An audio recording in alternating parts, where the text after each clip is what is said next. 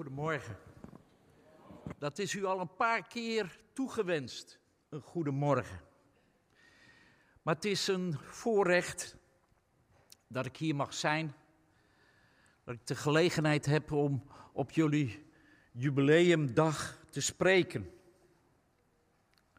Iedere keer raak ik weer onder de indruk te zien hoe God Corrie ten Boom heeft gebruikt in zijn koninkrijk. Door, heb ik begrepen, het contact met Corrie, ja, in het leven van Kees van de Heuvel, veranderde zijn leven totaal. En is uiteindelijk deze gemeenschap ook ontstaan. En dan zijn we hier op een plek met een fantastische, toepasselijke naam.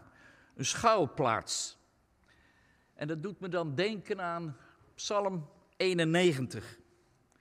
Ik lees u enkele versen. Want in de schuilplaats des Allerhoogste, wie in de schuilplaats des Allerhoogste is gezeten, vernacht in de schaduw des Almachtigen.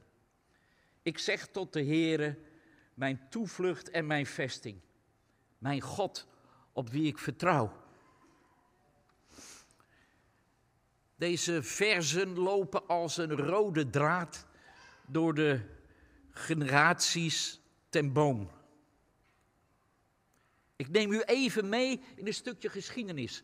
Willem ten Boom, de opa van Corrie, begint in 1837 een horlogemakerswinkel in Haarlem. En als trouw bezoeker van de grote kerk daar, de Nederlands Hervormde Kerk, hoort hij een preek van dominee Witteveen over Psalm 122. En die psalm die gaat over de vrede over Jeruzalem. Vers 6 zegt: Bid Jeruzalem vrede toe. Mogen wie u lief hebben rust genieten. Deze woorden inspireren Willem en hij begint in 1844 wekelijkse gebedsdiensten in zijn huis te houden voor de vrede van Jeruzalem, voor het Joodse volk. En deze gebedsdiensten gingen door totdat in 1944, dus 100 jaar later, daar een abrupt einde aan kwam. Er was een overval bij de familie ten Boom. 28 februari 1944. De Sicherheidsdienst van Nazi-Duitsland greep in. Ze wisten, er, hier in dit huis worden Joodse mensen ja, opgevangen, krijgen onderdak. Dat willen wij niet. Wij grijpen in. Willem, de opa van Corrie, die was actief in kringen van het revij. Hij ging om met Nicolaas Beets, Isaac da Costa. Terug naar het ware geloof. Het gaat om een persoonlijke relatie met Jezus. Terug naar dat persoonlijke geloofsleven. Zoals de eerste christengemeentes dat ook hadden. En zo wordt Casper, de vader van Corrie ten Boom, opgevoed in een gezin waar Gods woord centraal stond. En het is helemaal niet zo vreemd dat Casper ook dat gedachtegoed van zijn vader voortzet. Naast zijn werk als horlogemaker was hij samen met zijn vrouw actief in, in de kerk. Hij had zijn vrouw ontmoet bij de zondagschool. En hij was actief in de samenleving. Hij had vrienden onder het Joodse volk. Hij heeft een tijd in Amsterdam gewoond en daar maakte hij de vrijdagavond mee en de, de Joodse feesten. Hij hield van het Joodse volk.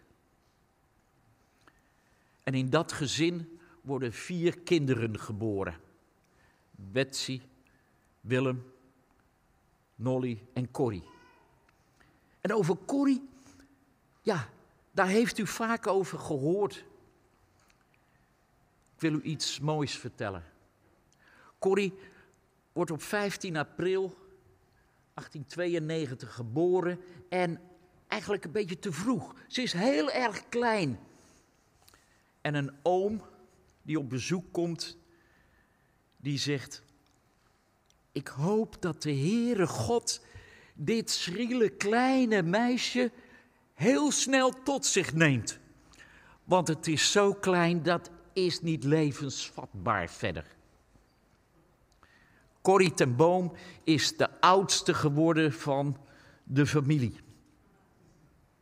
Wonderlijk. God had een plan met haar leven. Ja, Corrie groeit op in een heel harmonieus gezin. En dan zien we hoe belangrijk het is om onze kinderen op jonge leeftijd te betrekken bij het geloofsleven van ouders en in de gemeente. Weet u, Corrie gaf al op vijfjarige leeftijd haar hart aan Jezus. Ah, het lijkt ons vaak wat jong. Maar in het gezin van de Tembooms was God altijd aanwezig. Bij alles wat er plaatsvond, werd God bij betrokken. Hij was als het ware een gezinslid. Het is goed dat te beseffen. Dat opvoeding zo enorm belangrijk is.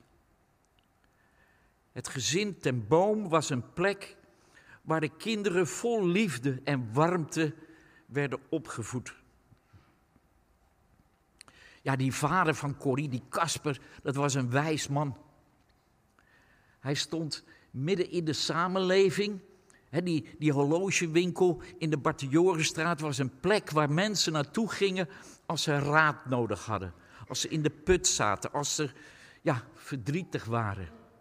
Zeiden ze, meneer ten Boom, u weet wel raad. En Kasper ging dan in gebed en vroeg God om wijsheid. Corrie. Corrie groeide dus op in dat warme, harmonieuze gezin. Corrie had veel plezier in het leven, maar kende ook verdriet. Zij was ontzettend verliefd geworden op een vriend van haar broer. Karel noemt ze hem in de boeken. Zijn werkelijke naam hij noemt ze niet. Maar op een gegeven moment komt deze man, deze Karel, in het huis van de Tembooms om zijn verloofde voor te stellen. Het was een klap in het gezicht van Corrie. En Corrie zei: Ik hoef niet meer. Ik ben zo verdrietig, ik ben zo teleurgesteld in deze man. Ik ga mijn leven wijden aan God. En dat deed ze. Ze gaf catechisatie aan verstandelijk gehandicapte kinderen. Ze richtte een meisjesclub op. Wij zouden zeggen padvinderij. En iedere keer als ze bij elkaar kwamen, er werd er uit de Bijbel gelezen, er werd gezongen, er was plezier. Maar Corrie wees altijd op Jezus. Zo was ze actief in de Haarlemse samenleving. Ze was een voorbeeld voor anderen. En de Bijbel zegt dat wij anderen tot jaloersheid moeten brengen. Je geloof moet zichtbaar zijn. Als je weet gered te zijn door het offer van Jezus, het offer wat Jezus bracht aan het kruis, dan kun je daar niet je mond over houden. Je wilt dat andere mensen diezelfde blijdschap ervaren als dat jij hebt. Ja, Corrie, die leerde al heel vroeg ja, de blijdschap en de boodschap van het evangelie te delen. En dan komt mei 1940. Jodenvervolging. Er moet hulp gegeven worden. En op dat moment woonde in de Bartiorenstraat alleen nog maar vader Kasper, zijn ongehuwde dochter Betsy en Corrie. En zij stellen hun huis open voor iedereen die moet vluchten voor Nazi-Duitsland. Joodse mensen, maar ook anderen die op de hielen gezeten worden door de Sicherheidsdienst, door het nazi-regime. Maar iedereen die daar kwam in het huis, die merkte de liefde. God stond centraal. God werd gevraagd voor inzicht, wijsheid, bescherming. En Corrie, die was ook een beetje nonchalant. Die zei: Ach, ik hoef me niet zo druk te maken, want er staat een engelenwacht om ons huis.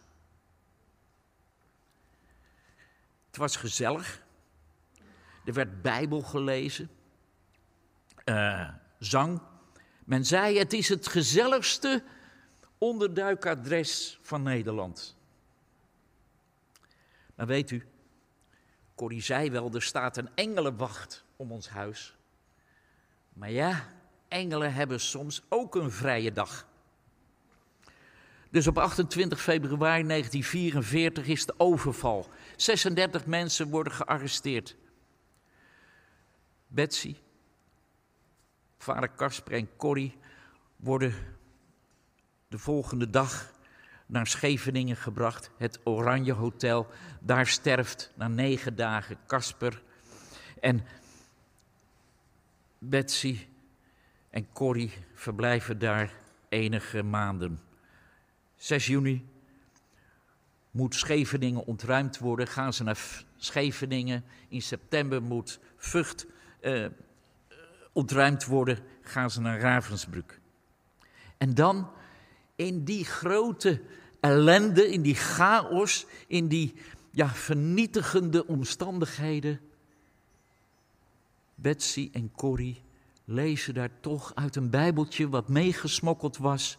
En spreken met de medegevangenen over het Evangelie. Over de liefde van God. Is God aanwezig in deze ellende? Ja. Betsy en Corrie spraken ook over, ja, straks als de oorlog voorbij is, dan moeten wij de wereld intrekken. Dan moeten we hen, ja, dan moeten we de mensen vertellen over de verschrikkingen van het concentratiekamp. En hoe vreselijk het is als mensen, ja, met elkaar vechten, als mensen tegen elkaar opstaan.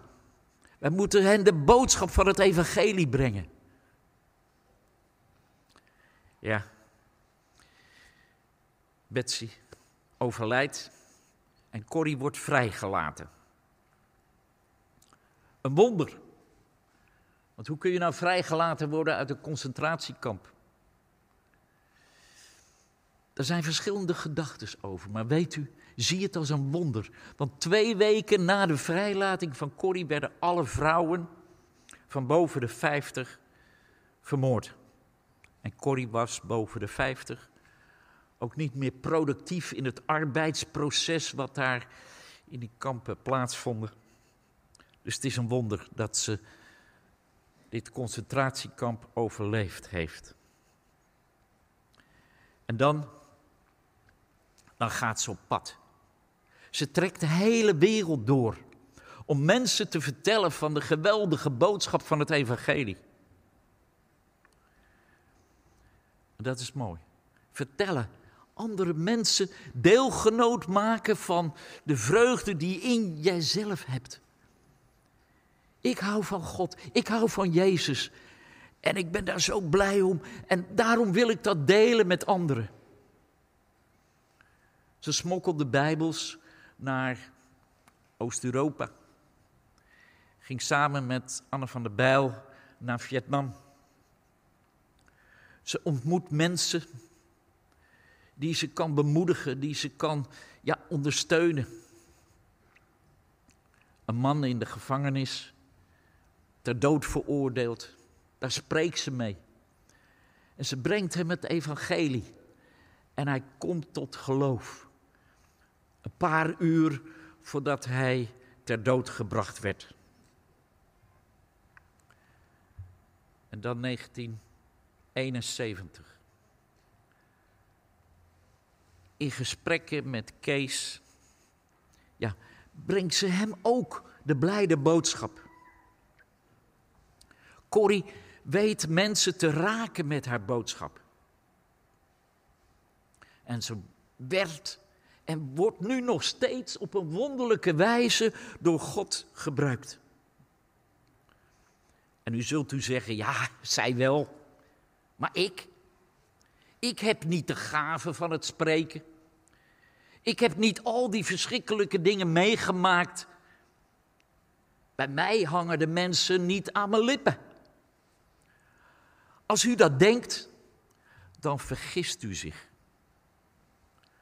God heeft ieder van ons bijzondere gaven gegeven. Kijk, een talent heeft u van nature meegekregen.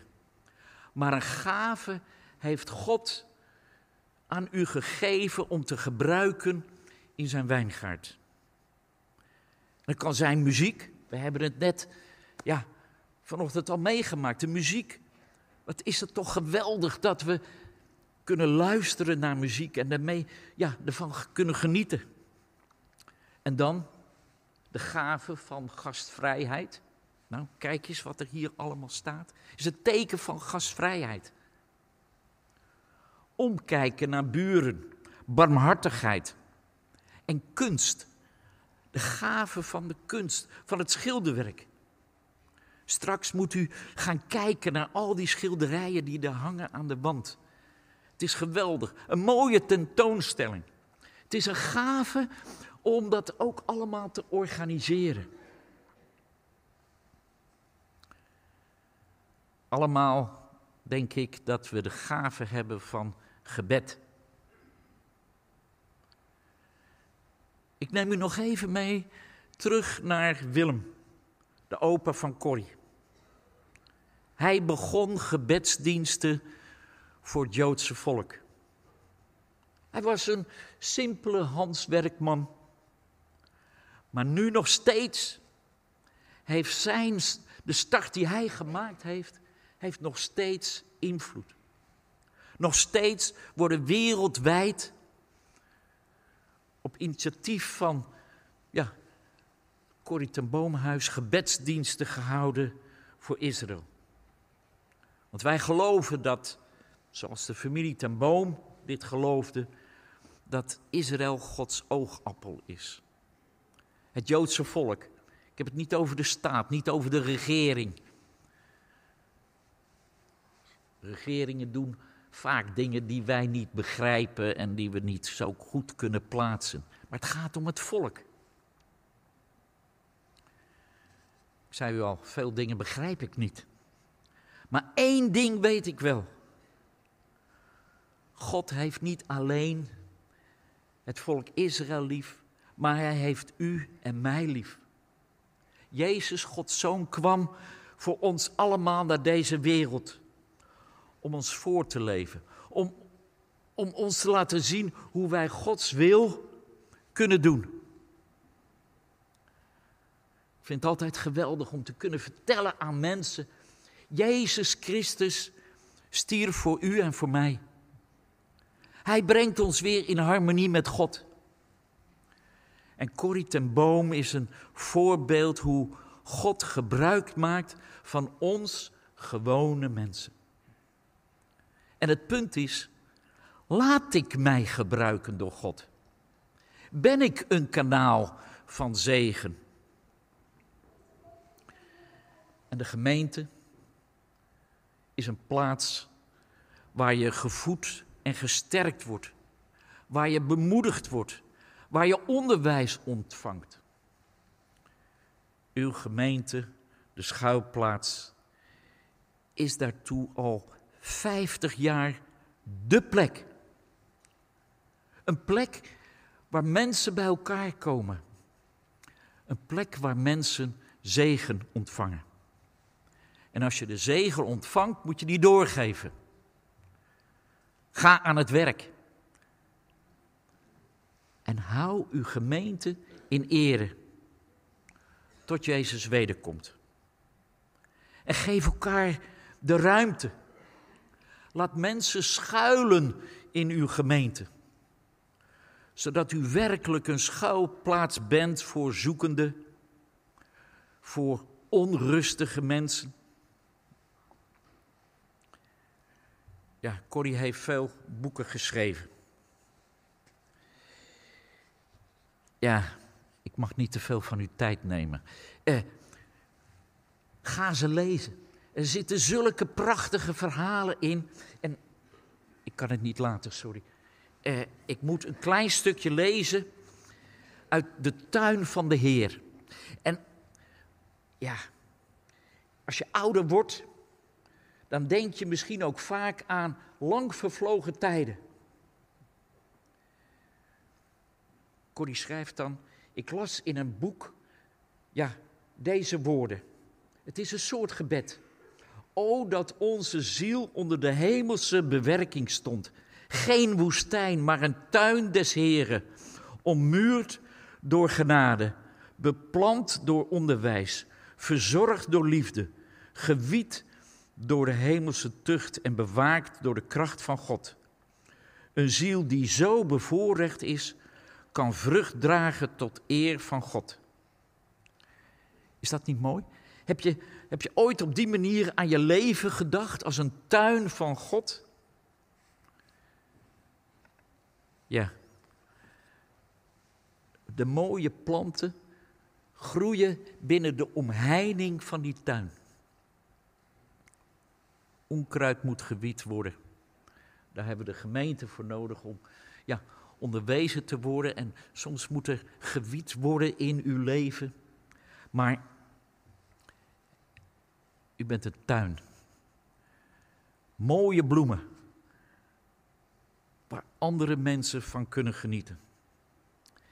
En met deze woorden zou ik ook graag, als het mij vergund wordt te zeggen, ik open de tentoonstelling. Ga daar kijken en zie.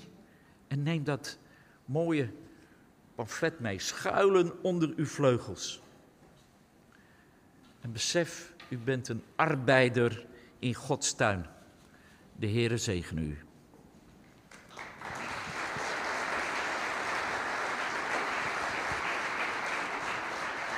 Amen. Dankjewel Frits. Wat een eer om, uh, om dit ook zo uh, te horen.